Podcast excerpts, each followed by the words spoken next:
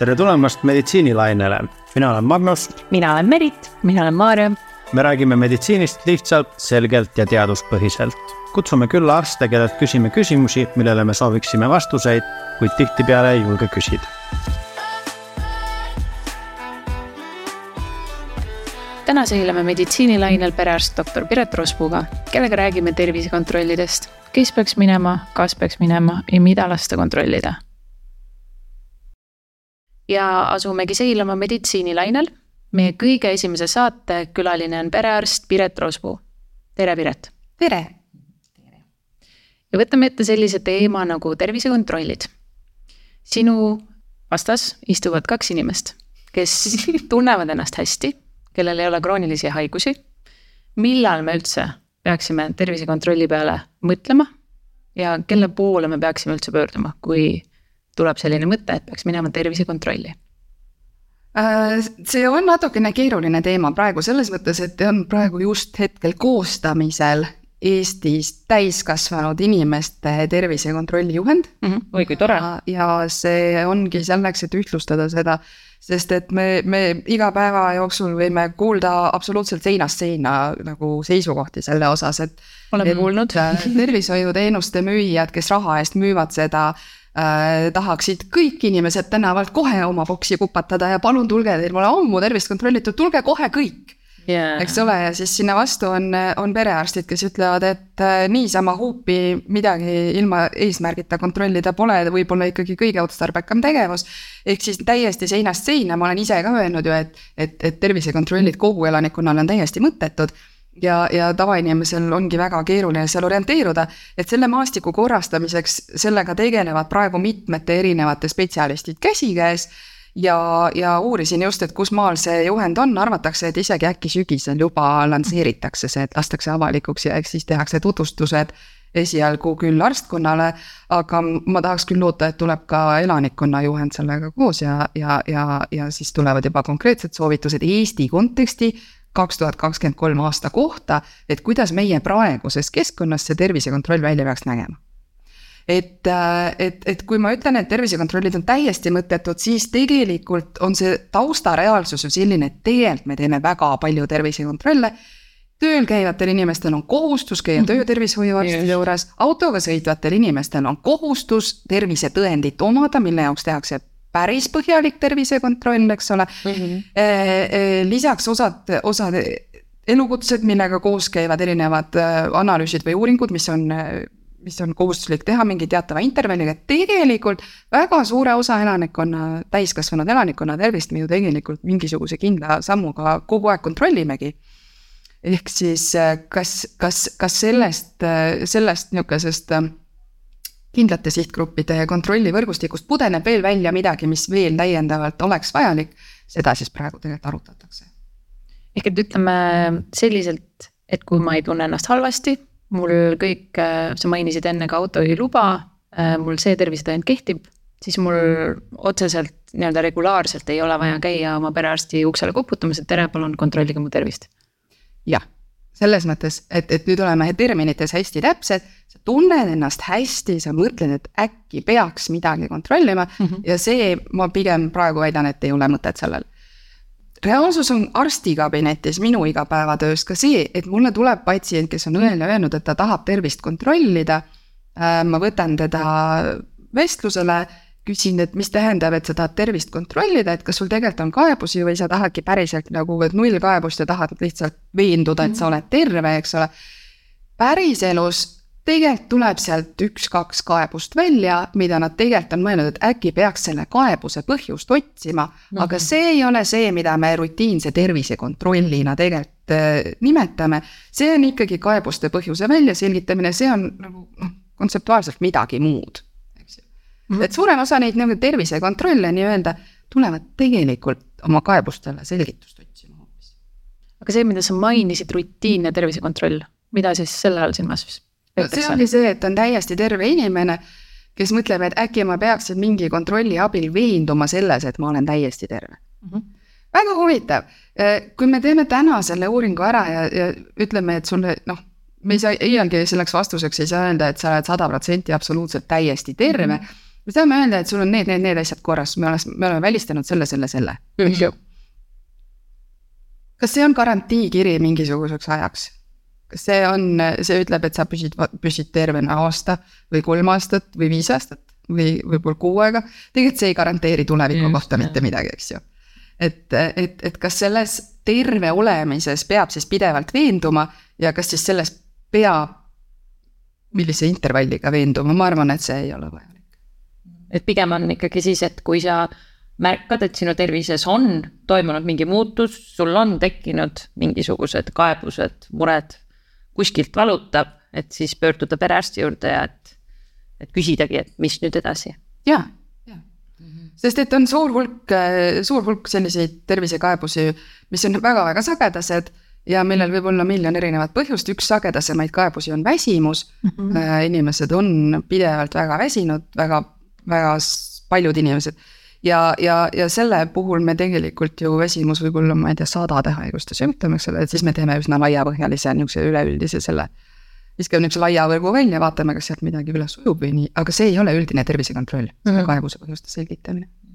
et kui mõelda, kui üldse mõelda, et, et, et, et kas peab tervist kontrollima ja, ja, ja mida me sellega saavutada tahame ja, ja noh, mis need kõige tähtsamad asjad oleksid, mida me võiksime tervetelt inimestel otsida. tõenäoliselt me esimesena pead, peaksime otsa vaatama sellele, mis kõige rohkem tervena elatud eluaastaid inimestelt röövivad ja mis kõige rohkem varast surma põhjustavad, eks ju, tundub loogiline? E, jaa. tundub loogiline, eks ju, number üks surmapõhjused, südame-veresoonkonna haigused. see, seda on väga lihtne testida, väga lihtne üles leida ja seda tegelikult tehakse nii töötervishoius kui ka autojuhilubade tervishoius äh,. Aga millega, millega seda siis testitakse või kuidas seda selgeks tehakse mm? -hmm. hea küsimus, et kõige sagedasem nendest on kõrgvererõhutõbi ehk, ehk siis kõrge vererõhk, eks ju mm. -hmm. ja, ja seda leitakse niimoodi, et mõõdetakse vererõhku mm. -hmm. super lihtne äh,, väga efektiivne ja, ja, ja selles mõttes nagu saab palju inimesi lühikese aja jooksul ära kontrollida, eks ju. Inglismaal oli suur rahvastikupõhine uuring ja nendel on rahvastikupõhine tervisekontrollide süsteem ka. Ne-, nemad leidsid, et ühe uue kõrge vererõhu juhu leidmiseks on vaja kontrollida kuskil kolmkümmend, nelikümmend inimest mm. -hmm.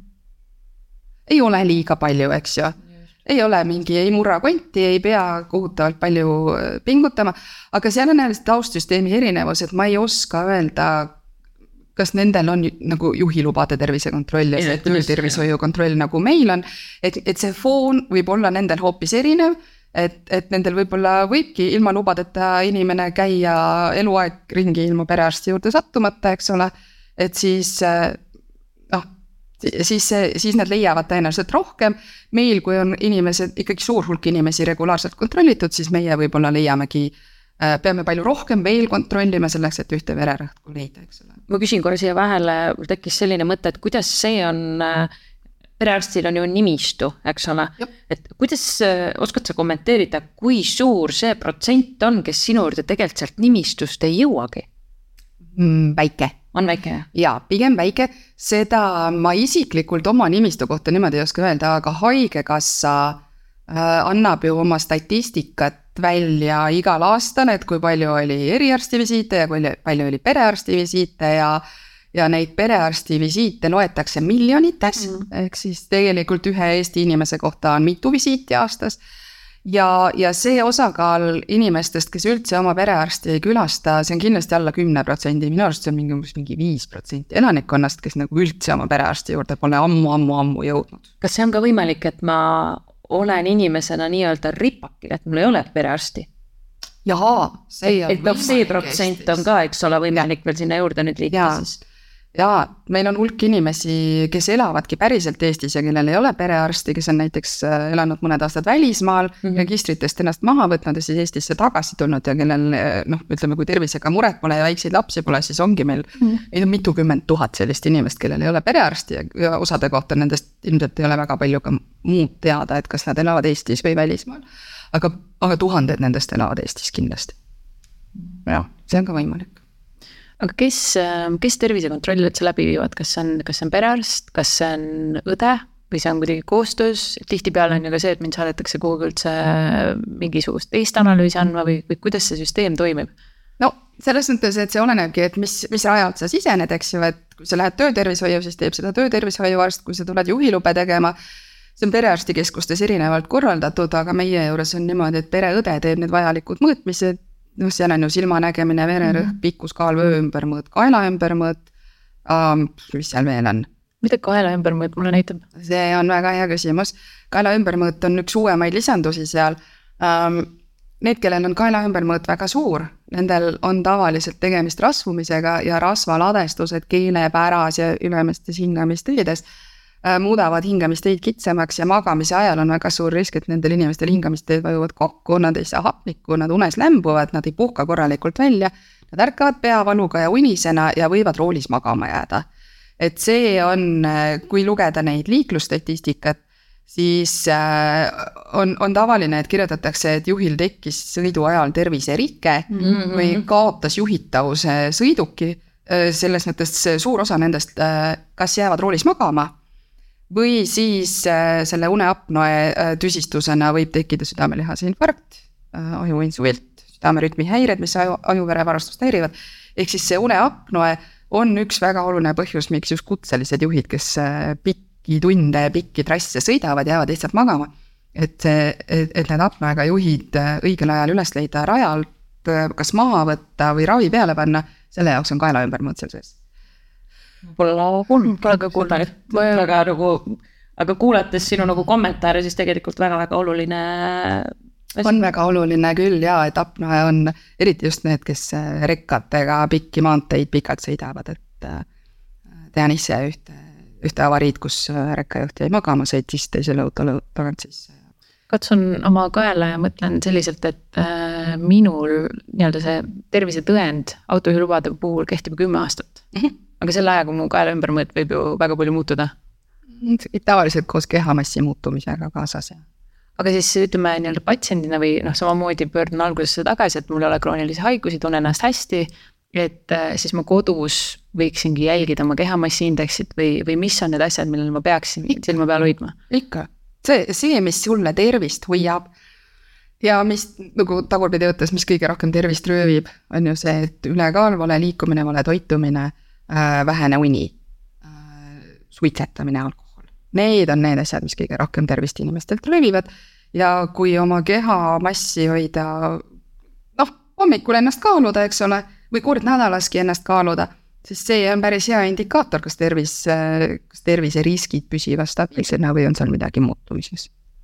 et see on, see on ju väga lihtne ja hea asi Piret, sa korra mainisid ka und, meil üks kuulaja küsiski seda, et, et kuna ta ei tea tervisekontrollidest eriti palju, et siis kas tervisekontrolli käigus keegi kontrollib ka mu und või vaatab kuidagi sellele poolele otsa mm,? no mingite instrumentaalsete uuringutega me und kindlasti ei kontrolli äh,. tahaks loota, et Äh, vähemalt mõnikord see une kohta küsimus ikkagi sinna satub, aga ma ütlen, kuna meil ei ole mingit standardiseeritud protokolli, kuna meil ei ole mingit tegelikult riiklikku kokkulepet praegu selles, kuidas meil Veel peaks see värk käima, eks ole -hmm. mis teemad seal peaksid sisalduma, kas peaks näiteks sõeluma ka vaimse tervise küsimus mm, -hmm. nagu selles mõttes küsimustes, et.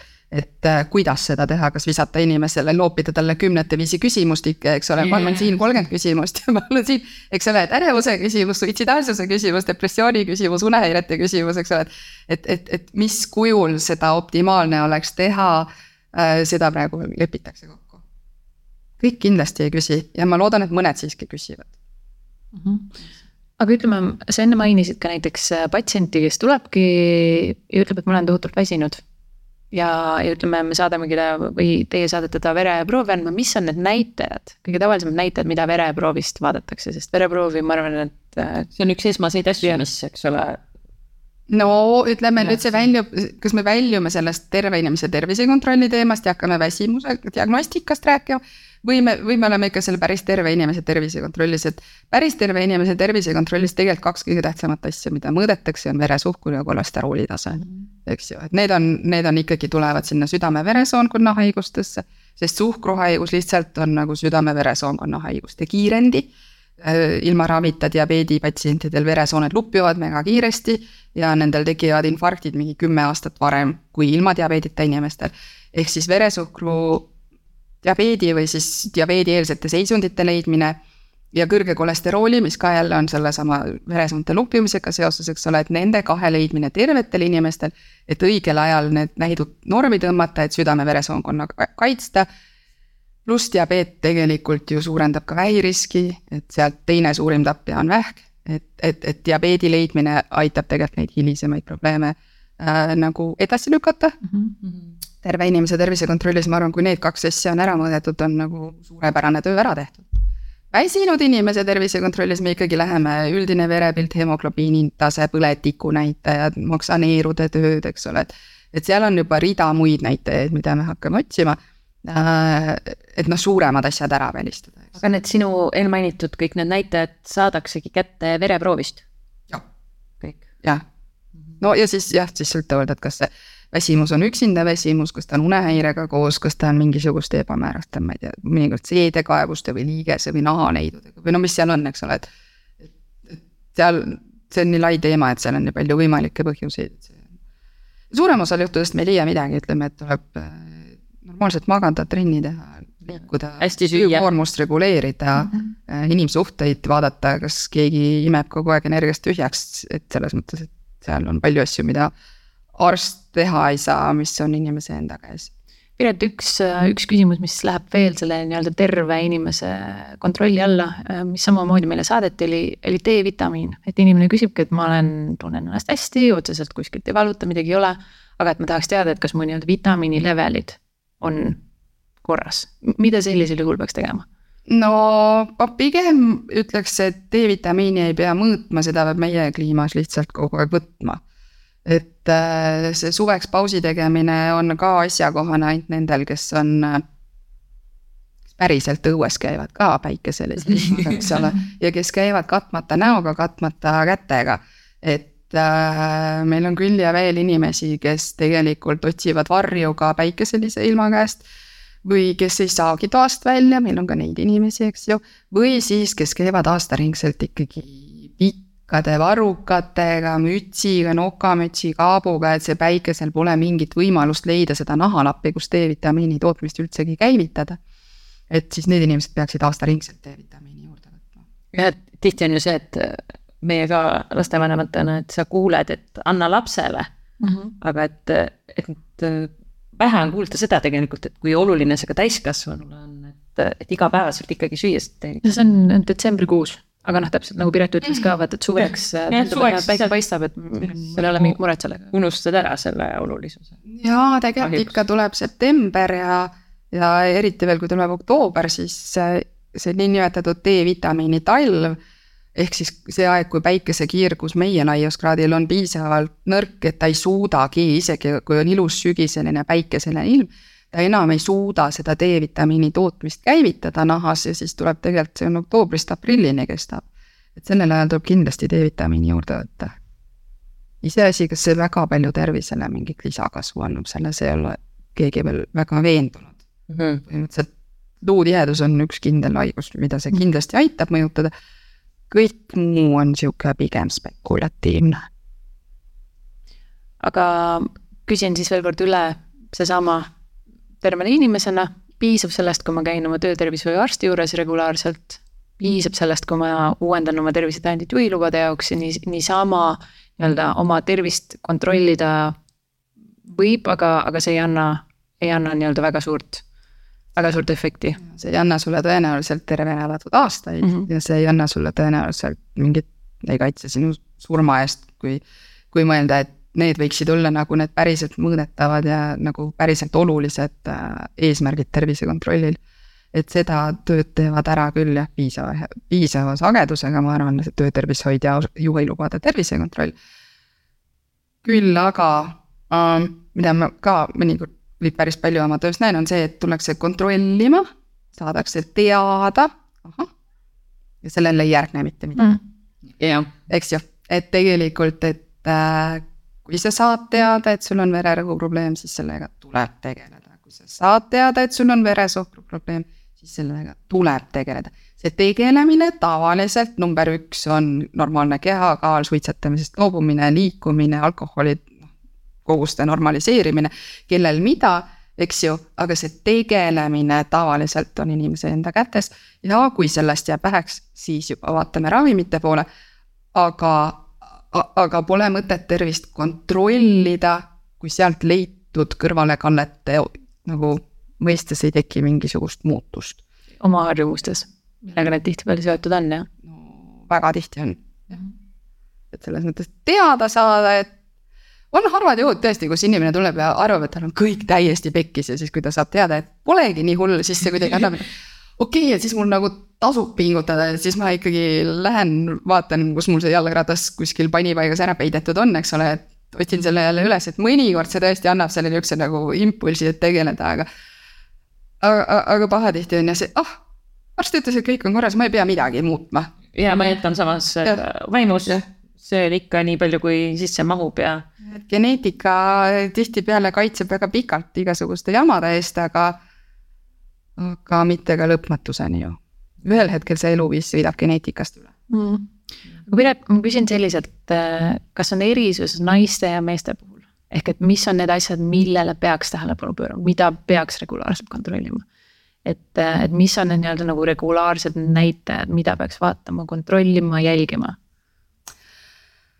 soopõhised erinevused kindlasti on, et äh, mõtlen, kuidas seda küsimust nüüd lahendada, kui ikkagi tulla siia südame-veresoonkonna haiguste juurde, mis on number üks, siis need algavad meestel kuskil kümmekond aastat varem kui naistel. aga mis see, mis see aeg on umbes Eestis, kas kolmkümmend, nelikümmend, sest me ju kuuleme, et, et järjest nooremad inimesed on kimpus südame-veresoonkonnaga. nooremad inimesed on ka rasvunud ja nüüd ju meil on rasvunud lapsed, mida, millega me pole seni pidanud toime tulema aga, aga noh, keskmine vanus ikka kuskil viiskümmend, kuuskümmend on see, kus on need vererõhud, noh nelikümmend hakkab vaikselt vererõhud kiskuma, viiskümmend juba tulevad sinna, kui ei ole õigel ajal tegeletud, siis hakkavad kuhjuma rütmihäired, siis hakkavad juba need südame-verevarustuse probleemid, et meestel kuskil jah, viiekümnendates ja naistel siis kuskil kümme aastat hiljem, et vererõhud naistel kuskil viiekümnendates ja siis need infarktid tulevad seal kuuekümnendates juba otsa, et selles mõttes äh, need naissuguhormoonid naisi ikkagi kuni teatud ajani kaitsevad ja siis äh, äh, siis naised võtavad haigestumises järele ja tegelikult vanemas eas naistel on probleeme rohkem kui meestel. sest kui mees on juba purjetanud sinna seitsmekümnendate lõppu, kaheksakümnendatesse, siis tal on tõenäoliselt päris hea bioloogia, pluss tõenäoliselt toetavad eluviisid ja siis äh, ja siis need mehed nagu elavad päris hästi, aga siis naistel on probleeme selles vanuses rohkem. aga muidugi ütleme ka soopõhised tervisekontrollid, eks ole, et naistel emakakaela vähisõeluuring mm naistel rinnavähi sõeluuring, et need asjad äh, ju meestesse ei puutu, eks ju. kas meestel on siis mingid sõeluuringud samamoodi? mehed käivad jämesoolevähi sõeluuringus, mis on see heitveretest, otsitakse äh, väljaheitest väikseid silmale nähtamatuid verekoguseid, et kui on soolestikus mingid kas vähieelsed seisundid või vähk, siis sealt võib vaikselt verd immitseda pikalt-pikalt enne seda, kui see vähk ennast päriselt nagu tun-, noh, sümptomitena tunda annab. et see on, see, see uuring on meestele ja naistele mõlemale. mis vanuses seda uuringut, mis vanusel mõlengu mind kutsuma hakatakse sinna, et neid äh, emakakaela, emakakaelavähk, rinnavähk, seda, seda, neid postreid on ikkagi rinna peal näha, aga tuntumad ja need on va-, kauem kestnud ka, et Jämesoole vähi, vähisõeluuring tuli hiljem mm. -hmm ja sinna kutsutakse kuuekümne kuni kuuekümne kaheksa aasta vanuseid inimesi. et selles vanuses ikkagi, kui kuuekümnendates on see alg, algstaadiumis kasvaja, eks ole, kui see ära võtta, siis mm, no nii päris palju inimesi, kes on Jämesoole vähi ravile saanud õigel ajal, jaole saanud õigel ajal ja elavad väga ilusasti ja, ja tegelevad lapselastega ja mõned käivad ju tööl veel selles mhm. vanuses ja elavad oma elu pärast edasi selles mõttes. ikka see, need ravid jätavad mingisugused probleemid ja ikka seal, aga nagu selles mõttes, et nad noh, suudavad ikkagi tegelikult täisväärtuslikku elu väga sageli edasi elada ja, ja mõnikord pikalt, et selles mõttes see on väga tänuväärne sõeluuring. räägime korra sellega üle, sõeluuringud on tasuta sõeluuringud on tasuta ja nüüd nad on tasuta ka nendele, kes, kellel ei ole ravikindlustust mm. -hmm. et äh, see oli van-, varem väga suur probleem, et ilma kindlustuseta inimesed ei saanud sõeluuringutele, siis tegelikult nad äh, läksid kaugele arenenud probleemidega EMO-sse mm -hmm. ja siis tegelikult nagu ikkagi neile tavaliselt vormistati ravikindlustus ja me pidime kõik ühiskonnana selle väga kallid ja väga pikaajalist ravi kinni maksma mm. -hmm. meil on ühiskonnana palju odavam äh, ka nende inimeste probleemid varakult avastada sõeluuring on tasuta, kas ma pean kuhugi ette registreeruma või kuidas ma sinna kohale lähen või, või kas ma pean helistama perearstile, et tere, ma nüüd lähen sõeluuringule. on ju ka aastakäigud, keda kutsutakse, kui ei ole minu aastakäik, mida ma siis teen? ei, seal on kindlad aastakäigud mm, -hmm. et äh, ja kui on minu aasta, näiteks äh, emakakaelavähi äh, sõeluuring, kõige nooremad on üheksakümmend kolm sündinud, eks ole et siis, kelle aasta on, siis ei pea ootama seda kutset, see kutse tuleb digilukku ja sealt inimesed väga sageli ei käi vaatamas, aga, aga need postrid linnaruumis, eks ole, ja. ja plakatid perearstikeskustes ja haiglates, need ikkagi on olemas. et kelle aasta on, see saab minna otsida endale lähima haigla või koha, kus seda uuringut teha saab, panna aeg kirja, öelda, et tšau, minu aasta on, tahan tulla ja mm -hmm. siis, ja siis saab seal ära käia, et siis ei pea jääma kutset ootama päris niimoodi ilma ajata kohale marssida nüüd ka ei saa, et seal ikkagi pannakse eh, kindlasse majja kindlaks kellaajaks eh, aeg kirja, eks ju. aga, aga, aga jah, et selle aasta jooksul siis saab ära teha. nüüd, kui see aasta on mööda läinud, siis on kaks võimalust. kui kaebusi ei ole, siis võib oodata, rongiga tuleb varsti uus aasta, millal jälle kutsutakse -hmm. eks ole, et siis kas järgmisel korral osaleda või siis, kui on kaebused ikkagi no mis iganes tükk rinnas või, või tundub, et seal äh, väljaheiteis oli verd või midagi, et noh, siis tuleb, siis tuleb minna uuringutele, et siis see ei ole enam sõeluuring. vaid siis see on kaebuste põhjuse täpsustamine, eks ju. aga sõeluuring on kindlate aastatega seotud. Jämesoolevähi sõeluuring, see käib perearstikeskuste mm -hmm. kaudu ja sinna samamoodi, kui on minu aasta, siis võin perearstiga kohe esimesel jaanuaril ühendust võtta, on ju aga, aga enamuses keskustes on see niimoodi lahendatud, et pereõed jupikaupa aasta jooksul kutsuvad oma nimistut. võtavad ühendust. helistavad, et tšau, kas tahad osaleda, sinu aasta on, et tuleme, anname sulle need värgid ja õpetame, kuidas seda teha ja. inimene kodus ise võtab selle proovi ja saadab Omnivaga saadab posti teel haiglasse ja, ja alguses seal oli igast huvitavaid probleeme, et kus Omniva nädalavahetusel postkaste ei tühjenda või mida, mida iganes. ma just mõtlen, et see on ju aegkriitiline. nüüd see on väga ilusasti käima läinud, et lihtsalt esmaspäevast kolmapäevani enam-vähem, meie piirkonnas vähemasti küll. esmaspäevast kolmapäevani panevad posti, siis see jõuab õigeks ajaks haiglasse, siis see proov tehakse õigel ajal ära ja need vastused tulevad digilukku nähtavale. et, et see on alguses see on normaalne iga uue asja käivitamisega on, eks ju, aga praegu juba mitu-mitu aastat see sõeluuring töötab nagu kellaärk jumala ilusasti, patsiendid juba need, noh, nad käivad ju äh, iga kahe aasta sammuga, kuni see kuuskümmend kaheksa nendel täis tiksub, on ju, kuuskümmend kaheksa eluaastat.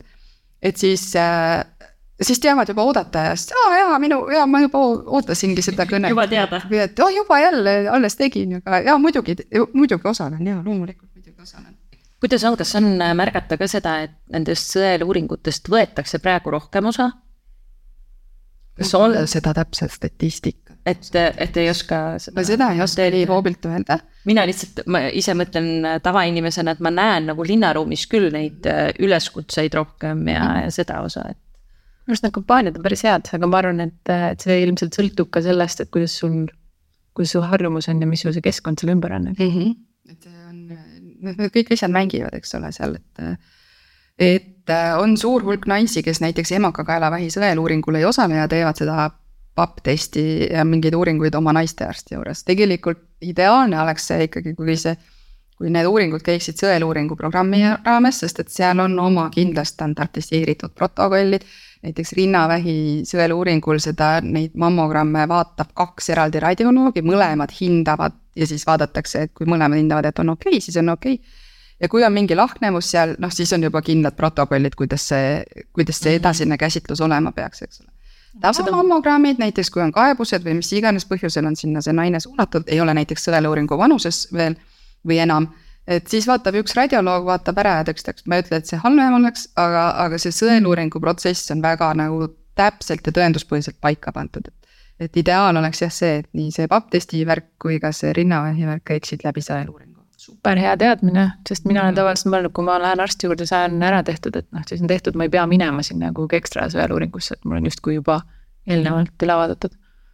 jaa, aga samas tegelikult ideaalne oleks jah see, et siis ta läheb sinna ühtmes, ühtsesse andmekogusse ja ja kuidagi, ma loodan, et ma ei valeta, aga minu arust on see emakakaelavähi just näidatud, et see sõeluuringust üles tuleb nende kuidagi see kogu edasine kulg on nagu paremate tulemustega mm. -hmm. no teisest küljest jällegi sealt mujalt rajalt võib ka olla see, et tulebki, äh, et ta tulebki juba kaebusega võib-olla. aga siiski jah, sõeluuringu neid vastuseid hindavad konkreetsed kindlad laborid, kes on nagu noh, õigesti sertifitseeritud ja kõik asjad tehtud, et. jah, sõeluuring on nagu, võiks olla see tee. aga millise regulaarsusega võiks äh, naised käia günekoloogi juures, millise regulaarsusega võiksid mehed käia meestearsti juures? mis see, mis see nii-öelda samm võiks olla sellel? see, et kõik naised käivad naistearsti juures, on meil niisugune nagu ütleme, ajaloolis-kultuuriline eripära. et äh, mis see naistearsti roll oleks? kindlasti no ütleme nagu enne suguelu alustamist, eks ole, rasestumist hoidumine äh,, suguhaigustest hoidumine, no see on niisugune töö, mida mujal maailmas tegelikult teevad ämmaemandad, perearstid. Eestis võiks teha ämmaemandad, kes on tervisekeskuste juures, eks ju et äh, kõiki rasestumisvastaseid vahendeid saavad ämmaemandad välja kirjutada, kõiki neid proove võtta saavad, et selles mõttes nii, see. aga seda, noh, seda, see on kindlasti üks väga oluline osa naise elukaarest, mis ja naise tervisest, mis kindlasti tähelepanu ja läbimõtlemist vajab, kuidas soovimatut rasedust ära hoida, kuidas endale mitte mingeid pahaseid haiguseid saada. kindlasti vajalik, eks ju. noh, teine osa on vähisõeluuringud, sõeluuringud on meil riiklikult korraldatud, eks ju, nii, mis see naistearst veel võiks teha seal tervisekontrollis? et, et, et tegelikult tegelikult. no võib-olla siis, et kui sa tajud ise, et sul on mingi muutus natuke. ei ole tervisekontroll, eks kaebustega tegelemine on teine asi. et, et, et ma, ma ise nagu ideaalis näeksin seda, et naistearst on ikkagi nagu kõik muud eriarstid, on spetsialist, kelle juurde minnakse konkreetsete nende küsimuste, probleemide, kaebustega ja üldise kõikide naistena, see on pool elanikkonnast. kõikide naiste üldised tavalised kõige lihtsamad rutiinsed asjad võiks teha ära ikkagi keegi, kes ei ole ülikoolis mingi kuus aastat residentuuris õppinud selle, seda, kuidas naiste tõsiste probleemidega tegeleda. ja siis, ja siis, ja siis peab mingi kolmveerand vastuvõtust tupeseenega tegelema, eks ju. tupeseent ravida oskab ämmaemand ja perearst ka väga hästi, selle võiks nagu naistearstidelt ära võtta, et naistearstid saaksid päriselt tegeleda nende asjadega, mis asjad on ja et nad ei peaks oma pädevust ka lahjendama sellega, et tervetelt inimestelt hommikust õhtuni proove võtta, eks. tervetelt inimestelt proovi võtmine peaks kuuluma kuhugi mujale. naistearstid on väga kvalifitseeritud, väga kaua õppinud ja meil ühiskonnana oleks nagu majanduslikult otstarbekas, kui nad teeksid seda tööd, mida nad on päriselt õppinud. Mhm. eks, tervisekontrollid võiks tulla ämmaemandate juurde ära. meie keskuses on ämmaemandad, kes väga tublisti teevad teevad rasedusaegset nõustamist ja jälgimist tervetele normirasedatele. riskirasedad on küll ka naistearsti juures, aga see jällegi, see on raseduse jälgimine, see pole nagu rutiinne tervisekontroll. hästi, aga mul on siin küsimus, näiteks, et kui ma tahangi nüüd minna, mul on perearst, mul on naistearst, et siis kas järgmine kord ma võikski tegelikult helistada oma perearstile, öelda tere, tahaksin anda regulaarselt lihtsalt rutiinset proovi. selle mm -hmm. asemel, et helistada oma naistearstile, öelda, et tere, aasta möödas, siin ma olen taas mm. -hmm. see oleneb täitsa, kus sul perearst töötab aga meil on ju üle Eesti praegu päris palju neid tervisekeskusi, kus on nagu mitu perearsti nimistut kokku pandud ja sealjuures on ämmaemand ja sealjuures on füsioterapeut ja osadel on seal vaimse tervise õde ja ja osadel on veel sugu-, seal mingisugused toitumisnõustajad või mingid muud spetsialistid, kes on kõik täpselt nende kõige tavalisemate, kõige sagedasemate oma vaim-, noh, oma, oma valdkonna küsimustega tegelevad, eks ju. ja siis, kes tervisekeskuses juba nagu on veits liiga keeruline probleem, siis need lähevad sinna eriarsti võrgustikku et kui su perearst töötab mingis toimivas tervisekeskuses, siis tal kindlasti on ämmaemand, kelle juures saab täpselt neid asju teha. pilliretsepti pikendada mm, -hmm. vajadusel seda sõeluuringu papptesti ja hapeproovi anda, et äh, ämmakad on väga pädevad ja väga tublisti tegelevad nende asjadega. aga räägime korra meestest ka, et äh, naistest me rääkisime, aga mehed, mis regulaarsusega mida kontrollida? vot meeste tervis on küll see, kus ma väga seda uut juhendit ootan et äh, meeste spetsiifilisi küsimusi, no esimesena kargab pähe kohe eesnääre, eks ole, eesnäärevähk on meestel väga-väga sage probleem. samas maailmas sõeluuringu programmid, kus seda BSA-d, mis on üks valk, mida eesnääre toodab ja mida mujalt kehast ei toodeta, ehk siis see tundub hullult hea, et meil on üks konkreetne marker, mis on eesnäärmega seotud, eks ole. see BSA ei ole ideaalne ja selle BSA mõõtmisega leitakse hästi palju neid, kellel on varases järgus hästi aeglase kuluga kasvaja, mis on sisuliselt krooniline haigus, mis neid mehi ära ei tapaks, aga siis hakatakse neid hullult ravima. ja siis opereerima ja siis tagajärjeks on suur hulk mehi, kellel erektsioon on häiritud ja kes pissivad püksi. eks ju, ja kes võib-olla oleksid sellesama kasvajaga võinud elada jumal teab kui kaua, eks ole mm -hmm.. aga need sõeluuringu programmid ei aita üles leida neid mehi, kellel tekib kiire kuluga, agressiivne, ruttu leviv ja mehi ära tappev ehk neid ei ole tegelikult suudetud nagu ilusasti leida ja, ja, ja suremust vähendada. et äh, ideaalset eesnäärmevähi sõeluuringut täna ikka veel kahjuks ei ole, see oleks hädavajalik. aga, aga ilmselt seal lisaks sellele BSA mõõtmisele, mida perearstid väga palju teevad, sealhulgas ma ise. lisaks sellele mõõtmisele peavad olema mingisugused muud riski hindamise või ma ei tea, mingid muud markerid, mis aitavad öelda, et see on see mees, keda ei näpi ja see on see mees, kes tuleb nagu ülikiiresti ära ravida ja. ja, ja võimalikult agressiivselt, et seda. ma tean, et sellega töö käib maailmas, kogu maailmas on see nagu küsimärgi all. loodan, et sellest uuest tervisekontrolli juhendist tulevad mingisugused kokkulepped ikkagi selle kohta ka, et kuidas me Eestis võiksime seda värki teha siis peale eesnärme on meestel muid tervise neid küsimusi ka, aga need ei ole siuksed nagu rutiinse tervisekontrolli teemad, et nagu mingid eesnärmepõletikud ikka annavad mingit valu ja ebamugavustunnet, eks ole, see on kaebustega juba seotud. erektsioonihäired on ikkagi kaebustega juba seotud, et niisuguseid asju muid, mida nagu tervisekontrolliga leida ka seal meestekliinikus väga-väga suur osa sellest meeste tervisega tegelemisest on tegelikult kehakaal mm vererõhk, tervisekäitumised, nendel on eraldi õed, kes teevad toitumisnõustamist, nendel on ju see äh,, need arstid, kes eluviiside osas mehi väga põhjalikult nõustavad, et aga see noh, super palju ei erine tegelikult sellest tavalisest pereõe tööst.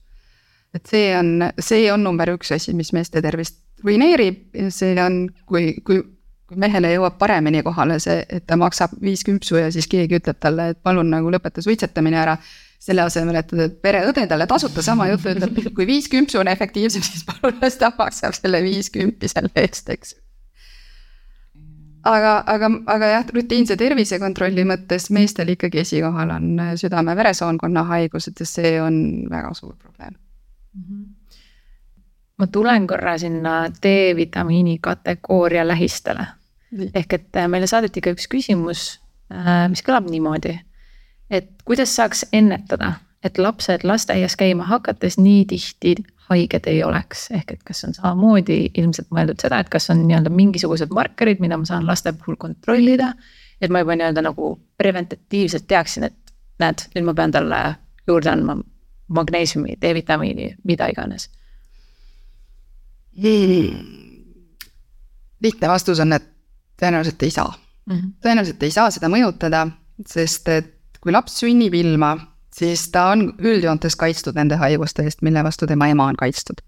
tema emal on antikehad väga paljude erinevate haigustekitajate suhtes ja IgG tüüpi antikehad liiguvad läbi platsenta. Äh, minu arust, kas mitte isegi, et aktiivselt pumbatakse läbi platsenta, et lapsel oleks kõik kaitse sünnihetkel olemas ja siis need antikehad püsivad kuskil kuus, üheksa, parimal juhul ligi kaksteist kuud ja siis see beebi on kaitseta, tal on küll noh, mingid need noh, primitiivsed kaitsemehhanismid ikkagi olemas. aga ta peab hakkama oma immuunsüsteemi ise üles ehitama ja ta teeb seda samm-sammult kõiki haigustekitajaid tundma õppides, ehk siis kõiki haigusi läbi põdedes. ilma selleta ei saa, need, kes, kes ei käi lasteaias ja titena ei põe, need põevad tavaliselt kooli minnes, esimestel kooliaastatel.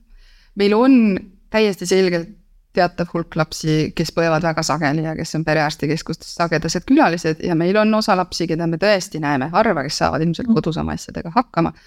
ja nende sagedaste põdejate puhul tegelikult on tavaliselt teada, et emal olid sageli keskkõrvapõletikud, isal olid juba või see vanaisal olid adenoidid opereeritud ja vanaema oma päevikus kirjeldab ka, kuidas temal lapsena oli alati tatimull nina all. ehk siis see, need immuunsüsteemi eripärad on perekondlikud on leitud veel igast huvitavaid asju, mis mõjutavad lapseeas põdemist, nagu näiteks see, millised mikroobid meil ninas elavad mm.. või siis äh, Covidi puhul ma lugesin, et need, kes nina rohkem nokkisid, need nakatusid kergemini äh,.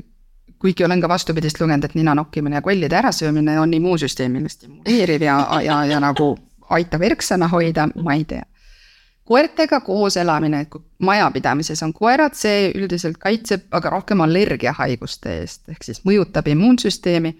aga, aga et ta tatihaiguste eest kaitseks, seda ma pole, pole praegu ei tule ette, et oleks lugenud ehk siis ikkagi normaalne toitumine, õues käimine, liikumine, kõik täiesti tavalised asjad ja kui on sage põde ja laps, siis mõnikord me soovitame, eriti kui on see esimene lasteaiaaasta ja kohutavalt palju laps põeb, et lihtsalt võtta võimaluselt, kui perel on võimalik, eks ju, võtta laps ära, lasta üks aastakene sellel immuunsüsteemil kodus küpseda ja siis uuesti proovida, mõnikord sellest on abi, alati ka mitte.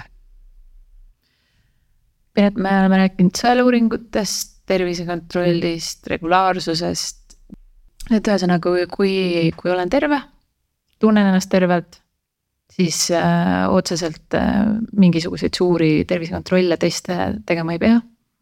ela oma elu, sa ei pea kogu aeg mingite analüüside ja mõõtmistega veenduma selles, et sa oled terve. ja ära guugelda foorumitesse liiga sügavale ennast, soovitan ka toitu tervislikult, liigu piisavalt ja maga.